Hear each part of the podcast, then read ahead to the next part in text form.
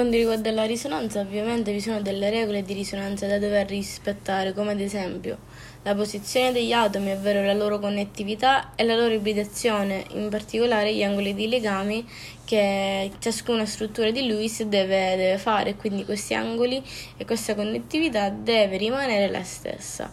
Può variare solo la posizione degli elettroni pi greco degli elettroni che non sono condivisi, quindi dei doppetti solitari e degli elettroni spaiati. Ovviamente un'altra regola di risonanza che si deve attuare è che comunque si devono utilizzare delle frecce curve, curve per evidenziare lo spostamento degli elettroni.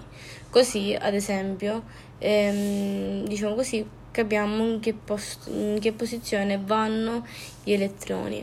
Un'altra regola, ovvero la terza le- regola di risonanza, è l'ibridazione degli atomi. Quindi sia l'ibridazione che gli angoli di legame devono rimanere invariati in ciascuna struttura di Lewis.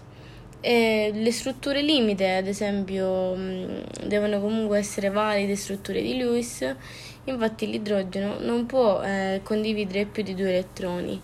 E, in particolare oppure gli elementi del secondo periodo, quindi a partire dal lidio fino al fluoro, non possono presentare più di 8 elettroni sommando anche quelli, non, quelli condivisi, quindi sommando anche quelli elettroni di legame e quelli non condivisi, ovvero gli elettroni di non legame, deve, diciamo, bisogna tener conto di tutto questo. Per questi elementi è necessario anche rispettare rigorosamente la regola dell'ottetto, perché comunque sappiamo che un carbonio con 5 legami non, non può essere, quindi un carbonio pentavalente non, non è rigorosamente vietato.